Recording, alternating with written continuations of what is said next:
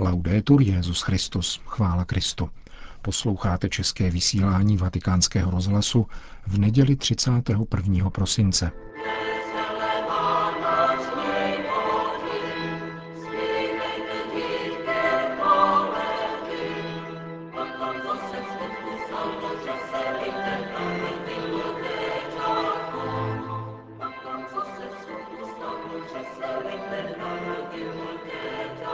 Všichni rodiče jsou opatrovníky a nikoli vlastníky života svých dětí, řekl papež v pravidelné nedělní promluvě na svátek svaté rodiny před polední mariánskou modlitbou Anděl Páně. Vděčnost za dobrodiní uplynulého roku je ozvěnou milosti, neboť vše dobré je boží dar. Kázal papež při bohoslužbě Nešpor v poslední den kalendářního roku. Hezký poslech přeje Milan Glázer.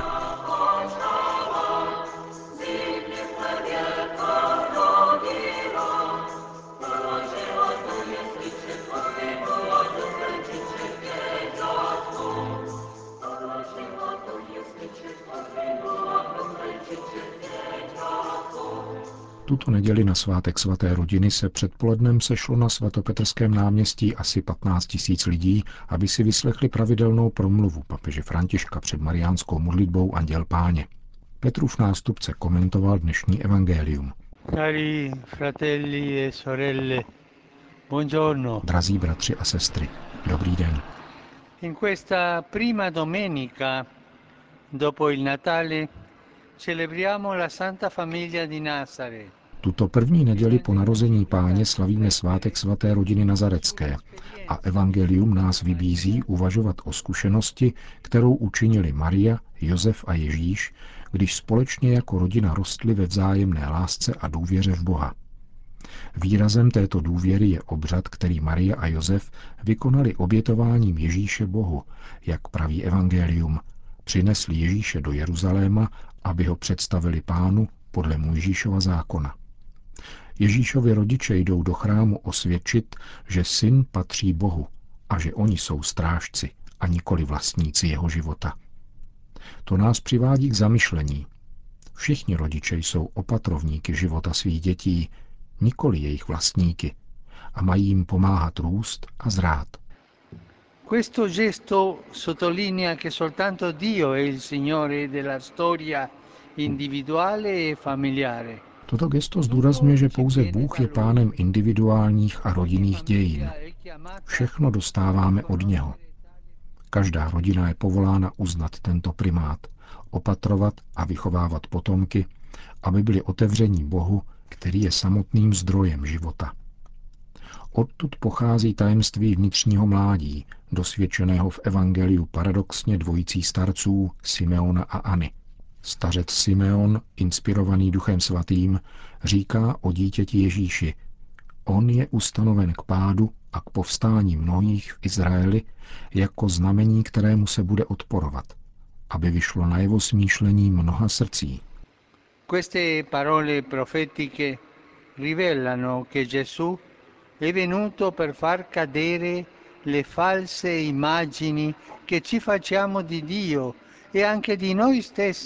Tato prorocká slova vyjevují, že Ježíš přišel, aby způsobil pád falešných obrazů, které si vytváříme o Bohu i o sobě.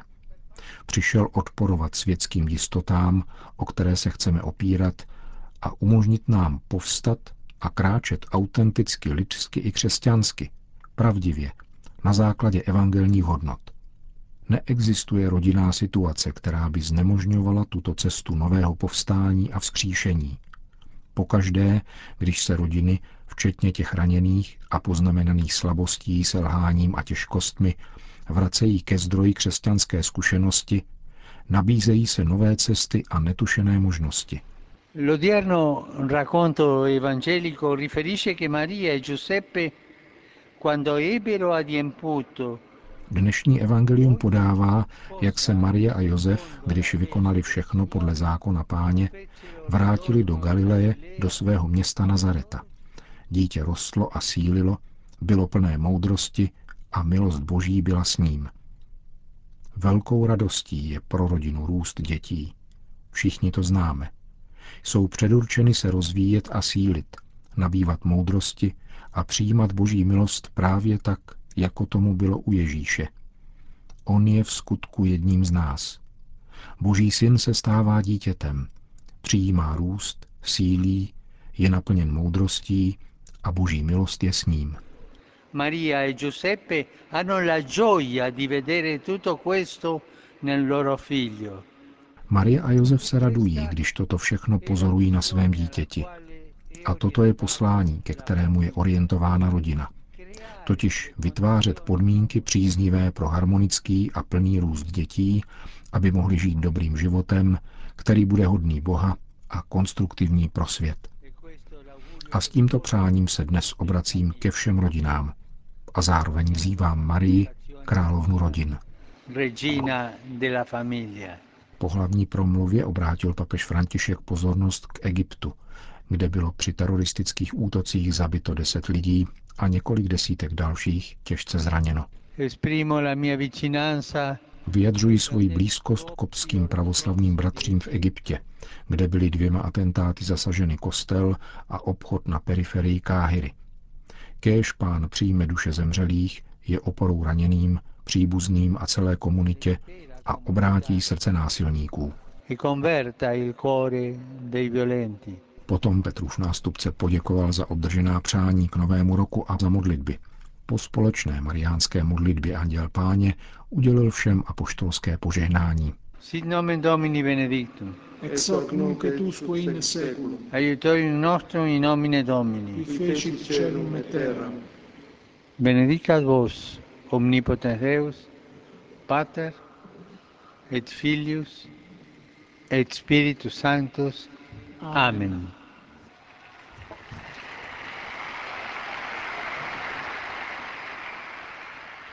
Poněvadž byla tato neděle zároveň posledním dnem kalendářního roku, slavil v podvečer římský biskup v bazilice svatého Petra jako každý rok nešpory spojené s výstavem nejsvětější svátosti a zpěvem hymnu Te Deum na poděkování za uplynulý rok. Bohoslužba ve zcela zaplněné bazilice se konala také za účasti představitelů města a kraje Lácio. Papež ve své homilí řekl, Quando venne la pienezza del tempo, Dio mandò il suo figlio. když se naplnil čas, poslal Bůh svého syna. Tyto nešpory dýchají atmosférou této plnosti času. Nikoli však proto, že je poslední večer kalendářního roku, nýbrž proto, že nám víra umožňuje rozjímat a vnímat, že Ježíš Kristus, slovo učiněné tělem, dal tomuto světu a lidským dějinám plnost času. Narozený ze ženy, první, kdo prožil tuto plnost, kterou daroval Ježíš svojí přítomností, byla žena, z níž se narodil, matka vtěleného syna, Theotokos, matka boží. Jejím prostřednictvím plnost času tak říkajíc vytryskla z jejího pokorného srdce, plného víry, a z jejího těla celé prostoupeného duchem svatým. Da lei la Chiesa ha ereditato e continuamente eredita questa percezione interiore della pienezza. Od ní církev převzala a stále přebírá toto niterné vnímání plnosti, jež vzbuzuje pocit vděčnosti, jakožto důstojná lidská odpověď na tento nezměrný boží dar. Tato nutkavá vděčnost se z nazírání na děťátko zavinuté do plének a položené v jeslích šíří na všechno a na všechny, do celého světa. Je to vděčnost, která je ozvěnou milosti. Nepochází od nás, ale od něho. Nemá původ v egu, nýbrž v Bohu, ale vtahuje ego i nás. In questa atmosfera creata dallo Spirito Santo, noi eleviamo a Dio il rendimento di grazie per l'anno che volge al termine. V této atmosféře vytvořené Duchem Svatým pozvedáme k Bohu naše díkůčinění za tento končící se rok a uznáváme, že veškeré dobro je jeho dar.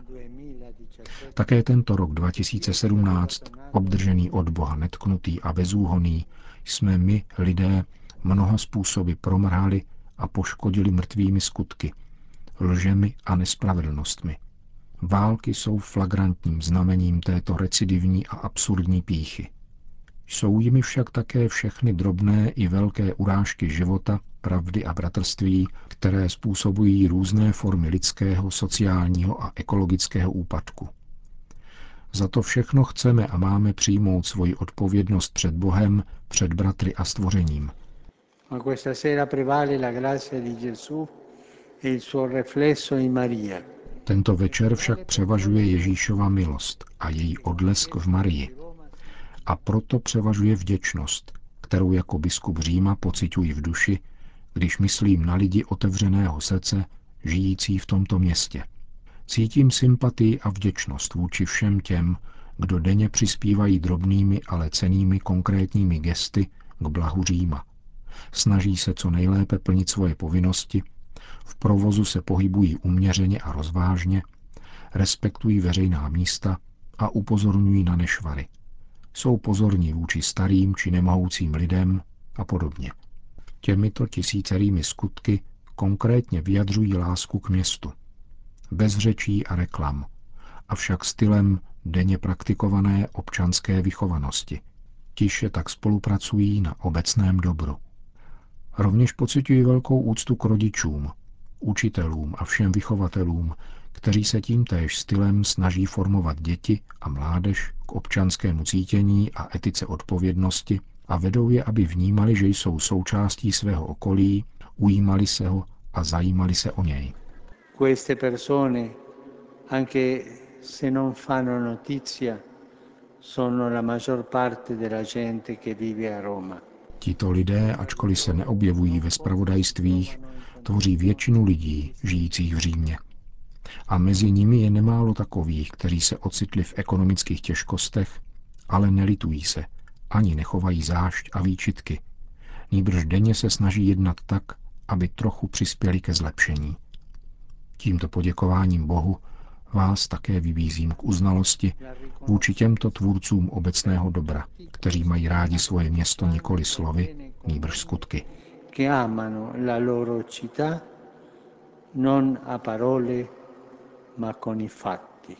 To byla homílie papeže Františka z nešpor posledního dne kalendářního roku. Bohoslužba vyvrcholila adorací vystavené nejsvětější svátosti a zpěvem hymnu Tedeum. Potom papež František vyšel před vatikánskou baziliku, kde se pomodlil u Betléma vystrojeného tradičně v blízkosti obelisku svatopetrského náměstí.